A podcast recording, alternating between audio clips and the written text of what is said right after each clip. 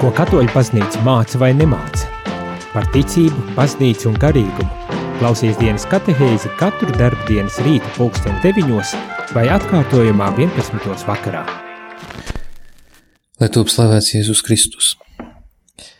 Dargie radio Marija Latvija klausītāji, ir mēneša pirmā otrdiena, un šajā sezonā, šajās otrdienās ar jums rīta katehēzē būšu es liepais diecēs bīskaps Viktors Stūpins. Ceru, ka šis rīts jau ir iesācies jums labi, ka ir bijis laiks arī dienu veltīt Dievam kādā lūkšanā, garākā vai īsākā. Sveicinu arī visus klausītājus, visiem, visus, kas ir varbūt mājās, savās darba vietās vai pie stūres, kas klausās radio Mārija. Visur, kur aizsniedzas radio Marija Viļņi, nesot labo vēsti, piepildot mūsu sirdi un prātu, kādam varbūt arī piepildot viņa vientulību, vai no slimības gūtā, vai no vecuma nespēkā. Visur, kur nonāk radio Marija Viļņi, kur kāds klausās, visiem sūtu sil, siltus sveicienus un labas dienas vēlējumus, lai Dieva žēlastība pavada mūs mūsu ikdienas gaitās. Un arī šodien iesāksim šo katehēzi ar mazu lūkšanu. Dieva tēva un dēla un svētā gara vārdā. Amen. Debesu Tēvs, kas caur savu dēlu Jēzu Kristu aicini mūs uz pilnību, apgaismo mūsu prātu un atver mūsu sirdi tam, kā tu pats mūs vēlies vadīt uz šo pilnību. Amen. Pagājušā mēneša katehēzē mēs domājām par Jēzus Kaunas prediķi, par šajā Kaunas prediķī viņa izteikto pamudinājumu, proti Mateja 5. nodaļa 8. pantā mēs lasām, kā Jēzus pamudina savus klausītājus, savus mācekļus un arī mūs visus uz pilnību teikdams: Esiet pilnīgi, kā jūsu dabasu tēvs ir pilnīgs.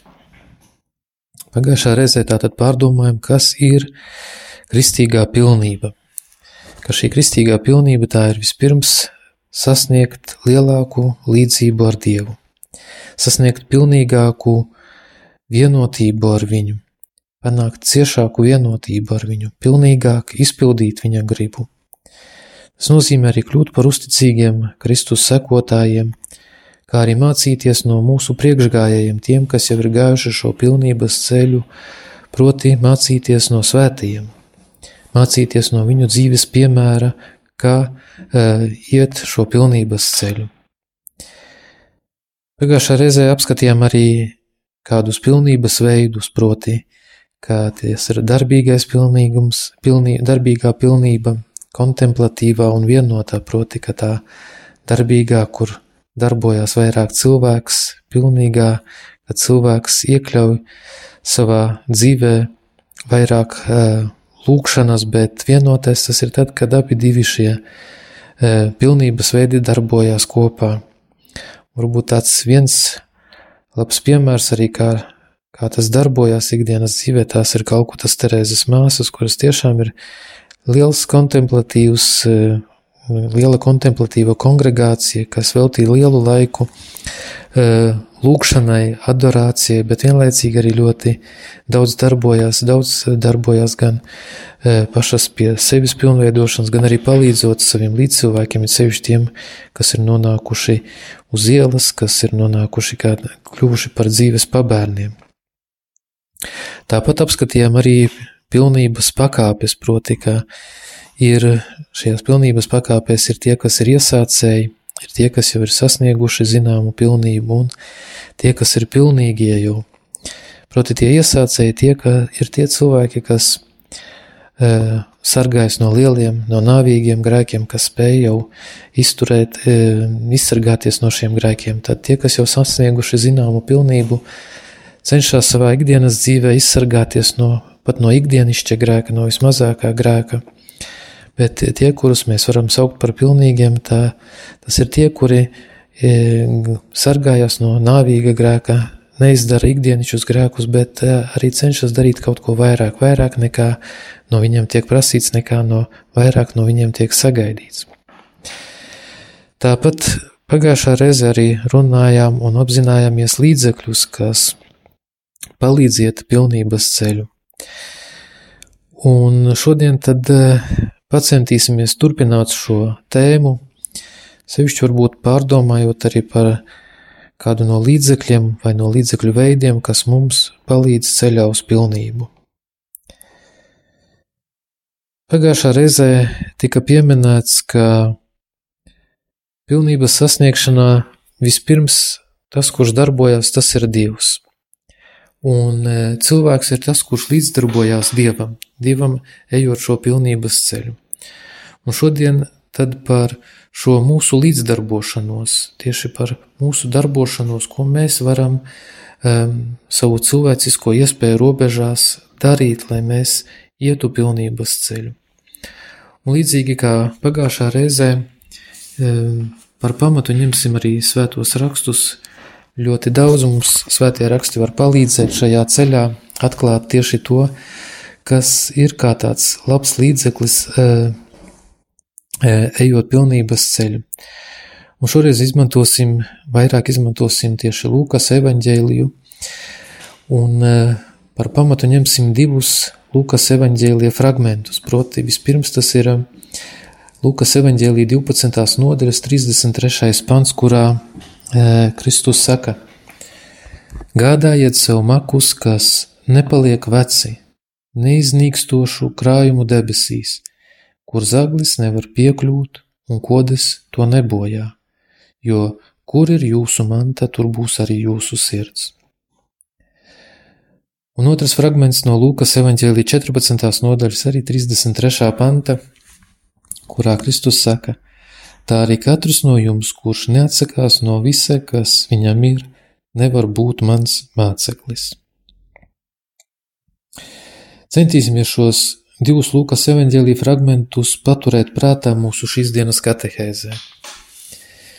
Pirmais fragments pamudina sargāties no mantkārības, no pārmērīgām rūpēm – Nezinu, vai vēl aizvien, bet kādu laiku mēs visi, kas kādreiz ieslēdzām televizoru, tikām kārdināti ar kāda lielveikala reklāmu, kura skanēja tuvāk mājām, tuvāk sirdīm.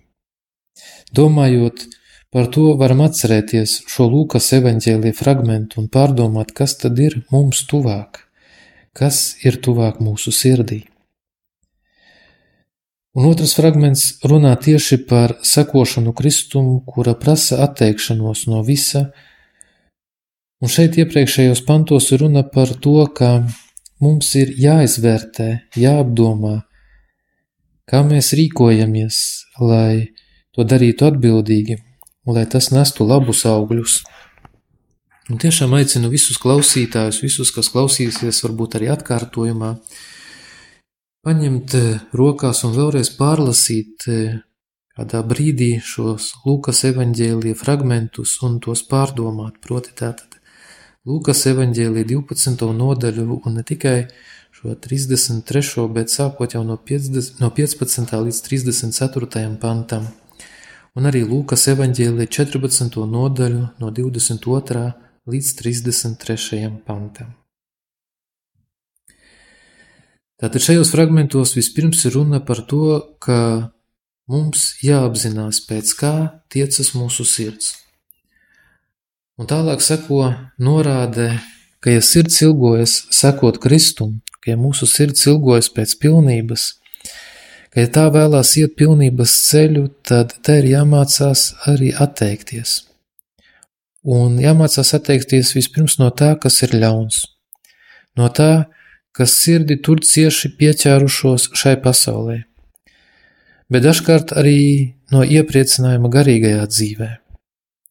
Tas ir aicinājums uz to, kas nav visai populārs un ko varbūt šodien mēs mūsdienu valodā šo vārdu nemaz nelietojam, proti uz mērdēšanos, uz atsacīšanos, jo mēs paši redzam, ka mūsu kultūra daudz lielākā mērā ir kļuvusi par iekāres kultūru, patērēšanas kultūru. Pagājušajā reizē, tātad, kā jau minēju, šis fragments bija no Kalnas prediķa, kas runā par pilnības ceļu, un jau tur Jēzus norāda, ka tas ir saistīts ar atteikšanos, ar mērdēšanos, ar grūtībām. Kaunas prediķī, jeb Mateja evaņģēlijas 7. nodaļā, 13. pantā Kristus saka: Ieiet pa šaurajiem vārtiem, jo plaši vārti un plats ir ceļš, kas ved uz pazušanu, un ir daudzi, kas pa to iet.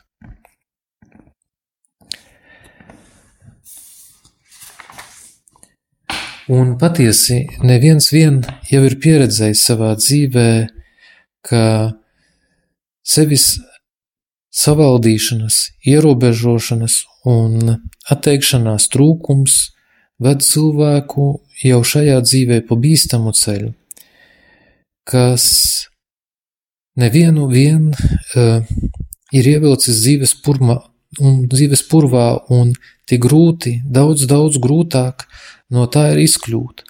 Daudz grūtāk nekā tad, ja jau apzinātā vecumā cenšamies meklēt ceļu uz pilnību caur labo, arī kādreiz caur atteikšanos, caur ilgām pēc dieva un dzīvošanas, lai šīs ilgas ar visiem labiem, cilvēciskiem un dievam patīkamiem ceļiem varētu piepildīt.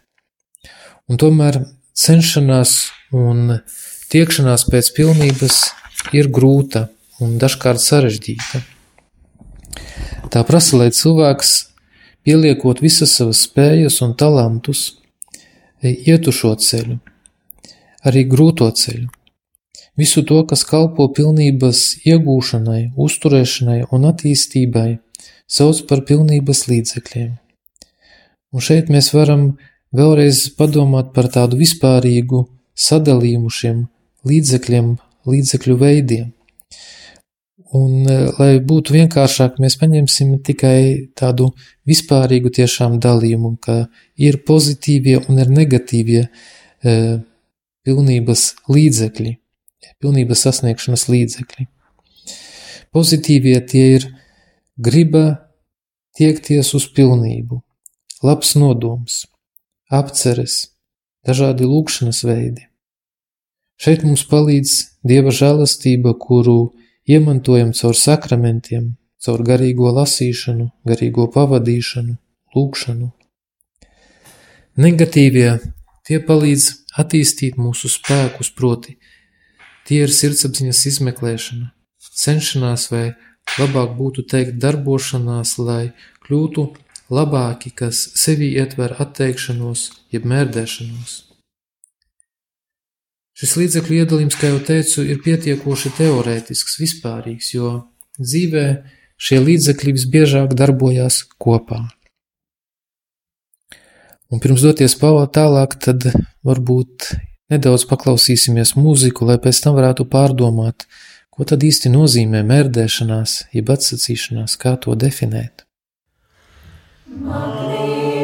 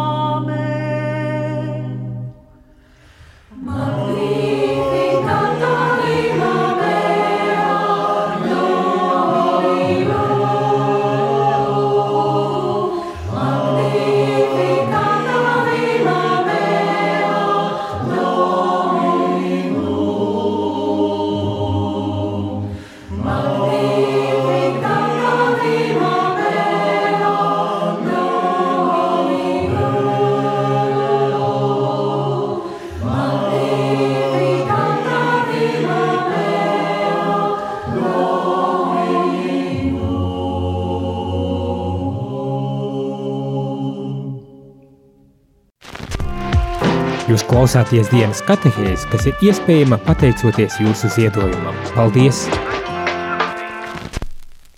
Pirms šīs mūzikas pauzes tātad uzdevām šo jautājumu. Ko īsti nozīmē mērdēšanās jeb atsacīšanās? Kā to definēt? Mērdēšanās jeb atsacīšanās tā ir cīņa ar ļaunām tieksmēm un to savaldīšana, lai tās pakļautu gribai, bet gribu dievam. Un svētajos rakstos pieminētā mērdēšanās nozīmē vispirms atteikšanos no ārējām lietām, par ko varam lasīt jau minētajā fragmentā no Lūkas evaņģēlī 14. nodaļas, bet arī vairākās citās vietās evaņģēlijos, kur ir runa sevišķi par mācekļu aicināšanu. Arī īpaši tāds fragments ir, kad ir šis dialogs starp Jēzu un bagāto jaunekli. Tur ir aicinājums atstāt visu. Zinām, ka mācekļi atstāja laivas, atstāja tīklus, Zebedeja dēla atstāja arī savu tēvu un sekoja Kristum. Bet bagātais jauneklis to nespēja, un šis aicinājums pat viņā izraisīja skumjas. Otrakārt, atteikšanos no sevis paša, kas nozīmē vispirms atteikties no saviem kaitīgiem ieradumiem, no lepnības, Kā jau teicu, šodien mēs vairāk ieklausīsimies tieši Lūkas evanģēlijā, un tur Kristus arī saka 9. nodaļā: Ja kas grib man sekot, lai aizliedzas pats sevi. Treškārt, atteikšanos no grēcīgām tieksmēm. Kas piedara Kristum raksta apustulis Pāvils vēstulē galatiešiem? Tie ir savu miesu piesituši krustā līdz ar kaislībām un kārībām Tāpēc atteikšanos, mērdēšanos salīdzina ar nāvi. Tāpēc nonāvējiet savos locekļos zemisko, netiklību, nešķīstību, kaislību, ļaunas kārības un mantkārību, kas ir kalpošana elkiem, saka tas pats Pāvils vēstulē kolosiešiem. Tas nenozīmē pavisam nonāvēt un likvidēt kaislības, bet gan tās savaldīt, pakļaut prātam un gribai, lai dzīve būtu veselīga un pilnīga. Šo darbu mēs varētu salīdzināt ar dārznieka darbu kādā augļu koku dārzā. Dārznieks gādājot par augļu kokiem apgraiza liekās atvases, lai citas varētu augt kuplākas un nestu skaistus augļus. Un tā arī garīgā dzīvē Ja apvaldīsim, apgriezīsim mūsu grēcīgās kaislības, ja mērdēsim savas iekāres, tad tās, kuras cilvēkā ir radošas un pamudinošas uz labo, nesīs skaistākus augļus, gan par labu pašam cilvēkam, gan līdz cilvēkiem, gan baznīcai un arī lielākam dieva godam. Pāvils par to vēstulē romiešiem raksta tā: Jo, ja jūs saskaņā ar miesu dzīvosiet, tad mirsiet, bet ja jūs miesas darbus garā mērdēsiet, tad dzīvosiet. Svētie raksti mērdēšanos, atteikšanos apzīmē arī vēl ar citiem vārdiem, proti, te runā par vecā, ļauno kārību pilnā cilvēka ieģērbšanu jaunā, pēc dieva gara radītā. Norāda, ka atteikšanās ir smags darbs, bet tas, kurš to izpilda dzīves beigās, var teikt kopā ar apustuli Pāvilu. Labo cīņu izcīnīju, savas gaitas pabeidzu, ticību uzglabāju. Iedzimtais grēks, ko mēs mantojam no Ādama un Ievas, aptumšoja cilvēka prātu, novājināja gribu un cilvēks ieguva tieksmi uz ļauno. Tāpēc dzīvē mums ir jāpūlas, lai ar Dieva žēlastības palīdzību savaldītu visas spējas, jutekļus, iekāres, fantāziju, atmiņu, prātu un gribu. Mērdēšanos, atteikšanos var saprast arī gandarīs garā, jo tā palīdz šķīstīties no grēkiem un izsargāties no tiem arī nākotnē, kā arī padara iespējamu tikumu attīstību, tikumu pilnveidošanos mūsos. Mērdēšanās, atteikšanās var būt pasīva un aktīva. Pasīvā nozīmē pieņemt ikdienas krustu, ciešanas, grūtības un pazemojumus. Aktīvā tā ir brīvprātīga atteikšanās vai mērdēšanās uzņemšanās, kā mēs to bieži varbūt darām tieši gavēņa laikā, lielā gavēņa laikā, kad īpaši pelnu trešdienā un lielajā piekdienā mēs ievērojam stingro gavēni, kad to tiešām cenšamies darīt ar tādu brīvprātību, lai arī baznīcas pamudināti, bet tomēr brīvprātīgi piekrītam šim aktam, lai tādā veidā arī savu miesu drusku gatavotu tiem lielajiem notikumiem, kas tiek svinēti. Tāpat atteikšanās vai mērdēšanās var būt iekšēja un ārēja. Ārēja ir, kad mēs atsakāmies darīt kaut ko, kas pats sevi nevienmēr ir ļaunums, bet iekšējā ir tad, kad ir runa par cilvēka prātu, gribu, par izvēli. Iekšējā mērdēšanās ir svarīgāka par ārējo, jo ļaunums ir jācenšas apkarot un ir jāapkaro jau saknē taču ārējā mērdēšanās atvieglo iekšējo, piemēram, nav iespējams savaldīt fantāziju, ja nesavalda acis. Un arī debesu Tēvs, mūsu radītājs caur mūzumu, dāvādams baušus to ir paredzējis. Jo mēs zinām, ka ir bauslis, tev nebūs laulību pārkāpt, bet ir arī bauslis, tev nebūs iekārot sava tuvākā sieva. Ir bauslis, tev nebūs zakt, bet ir bauslis, tev nebūs iekārot nevienu lietu, kas pieder tavam tuvākajam.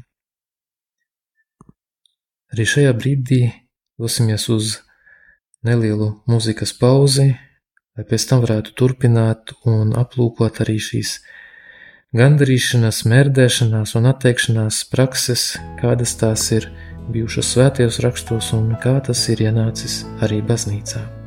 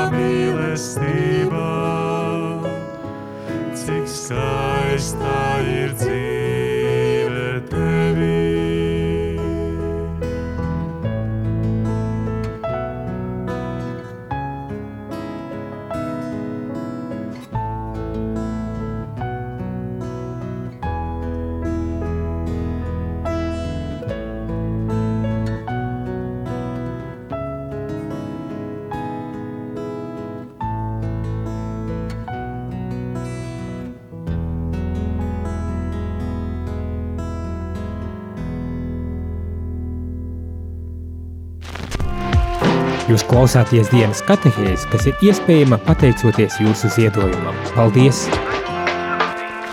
Šajā brīdī tad centīšos sniegt tādu nelielu vēsturisku ieskatu tajā, kas attiecas uz mērdēšanos vai atteikšanos, un šeit es pieminēšu tikai tādas dažas gandarīšanas prakses, kas baznīcā ir pielietotas dažādos laikos un ir tikušas praktizētas cauri gadsimtiem. Protams, visizplatītākā mērdēšanās, atteikšanās, kas bija pazīstama jau vecajā derībā, ir pieminētais gavēnis.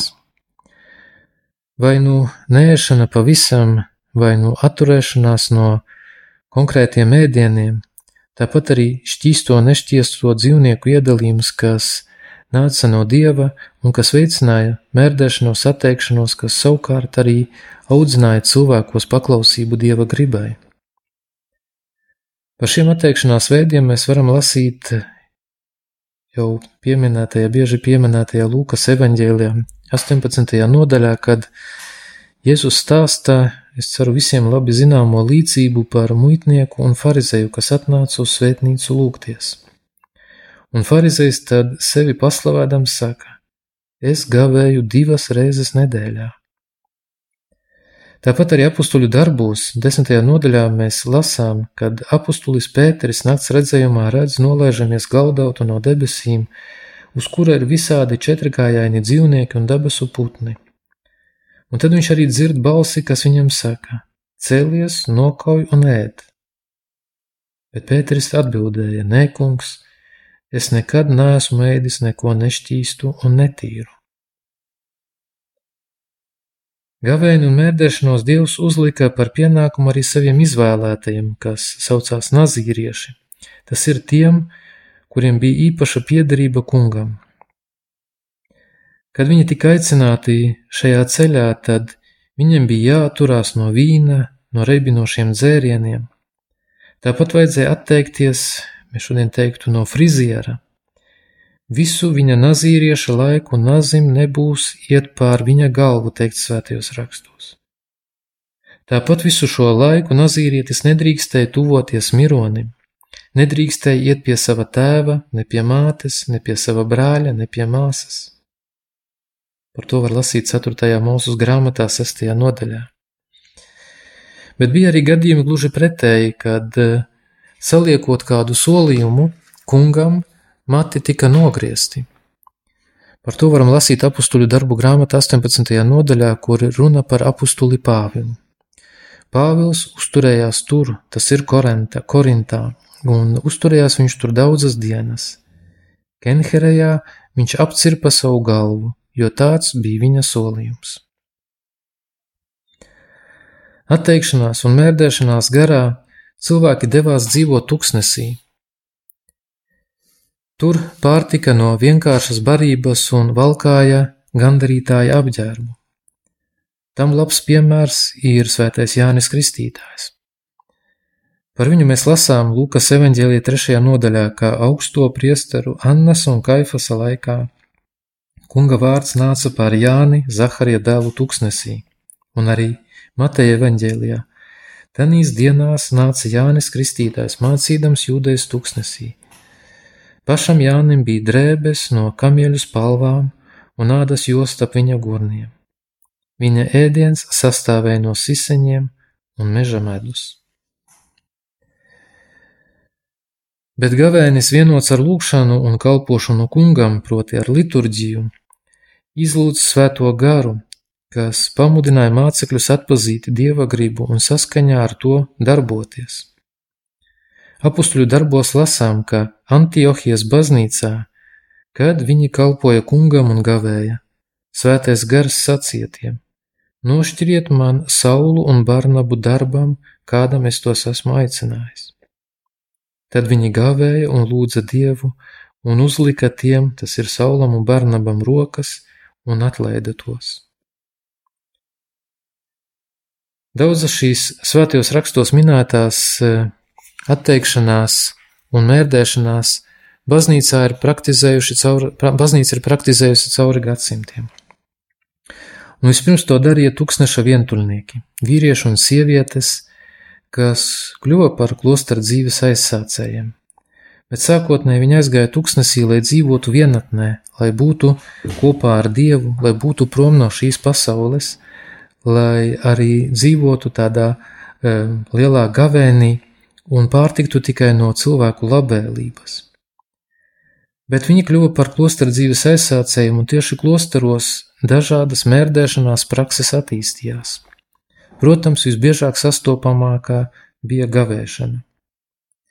Dažādos ordeņos un kopienās to praktizēja dažādi. Īpaši lielā gavēņa laikā atsakoties no ēdiena vai no ēdienreizēm dienas laikā. Viens no mērdēšanās un disciplinēšanas veidiem bija stingra dienas kārtība, kurā bija gan lūkšana, gan garīgā lasīšana, gan darbs, bet arī neatņemot laiku kādai atpūtai un labīgai, labi kopī, un labi kopīgi pavadītam laikam. Dažas no praksēm pārņēma arī ierindas ticīgie, un nevienmēr tie bija nabadzīgākā sabiedrības daļa. Daudzkārt to praktizēja arī augstmaņi. Vēl viens atteikšanās veids bija nakts nomods, vigīlijas, kas parasti notika pirms lieliem svētkiem, bet dažkārt arī privāti saskaņot ar savu garīgo vadītāju. Klosteros mūki cēlās naktī, lai dziedātu psalmus. To pašu darīja arī garīdznieki pie katedrālēm. Un, kā mēs zinām, arī mūsu zemē e, kādu laiku ļoti populāras bija šīs vigīlijas, kad e, pirms kādiem lieliem notikumiem, lieliem svētkiem baznīcas dzīvē tika pavadīts laiks kopīgā lūkšanā, dažādās draudzēs, dažkārt Dažās draudzēs tas pat bija regulāri, ik mēnesi. Arī staigāšana basām kājām bija mērdēšanās veids. Viduslaikos bija tā sastopama tāda prakse kā pāvests un kardināli diamāta šķīstīšanās svētkos, jeb kā mēs to zinām, 2. februārī kunga prezentācijas svētnīcā svētkos, jeb sveču dienā, kā to tautā sauc. Tad viduslaikos pāvests un kardināli šajā svētku dienā basām kājām devās uz Dilmātes lielāko baziliku Romā. Benediktīniešu klosteros trešdienās un piekdienās rīkoja procesijas basām kājām pa klostra iekšējām ejām. Klosteros, lai izdzīvotu arī tādu tūkstnešu atšķirtību, bija īpašas ieslēgšanās celles. Tika praktizēta arī ilglaicīga klusēšana – Bija sastopami pat arī tādi klosteri, kuros sarunājās tikai reizi mēnesī savā starpā vai sarunājās tikai reizi gadā. Tāpat kā mērdēšanās un atteikšanās, tāda prakse bija fizisks darbs īpaši grūtos apstākļos, nelabvēlīgās vietās. Sekoja svētā Jāņa Kristītāja paraugam, daži lietoja īpašus gandarīšanas apģērbus vai aksesuārus, kas nebija ērti, radīja nepatīkamas sajūtas, diskomfortu, kuras vajadzēja pacietīgi panest gandarīšanas garā vai lūdzot kādu žēlastību. Lietoja arī asus rīkus, kas ievainoja miesu līdz asinīm, un bija sastopama arī šaustīšanās, sevis šaustīšana. Šīs gandaras un mērdēšanās formas sākās aptuveni 10. gadsimtā, un biežāk šīs formas bija sastopamas un pieņemtas tieši austrumu baznīcā. Rietumu cilvēki tās vairāk abrīnoja, kaut gan arī rietumu baznīcā ir pazīstami pat lielie svētie, kas piekopa pašaustīšanos, gandarīšanas garā. Tādi bija svētais Pēteris Damjāns, Asīzes Francisks, Ignācijas no Lojolas, Kārlis Boromējs, Katrīna no Sjēnas, Silēzijas Hedviga un vēl citi. Mūsdienās daudzi no šiem mērdēšanas veidiem, kas vairāk ir ārēji, reti vai nemaz netiek praktizēti.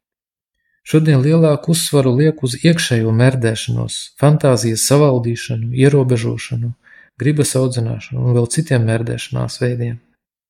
Tomēr pavisam neaizmirsīsim un iespēju robežās saprātīgi, arī saskaņot ar savu garīgo vadītāju vai bikstēvu kādos atsevišķos laikos izmantosim arī šo ārējo mērdēšanos.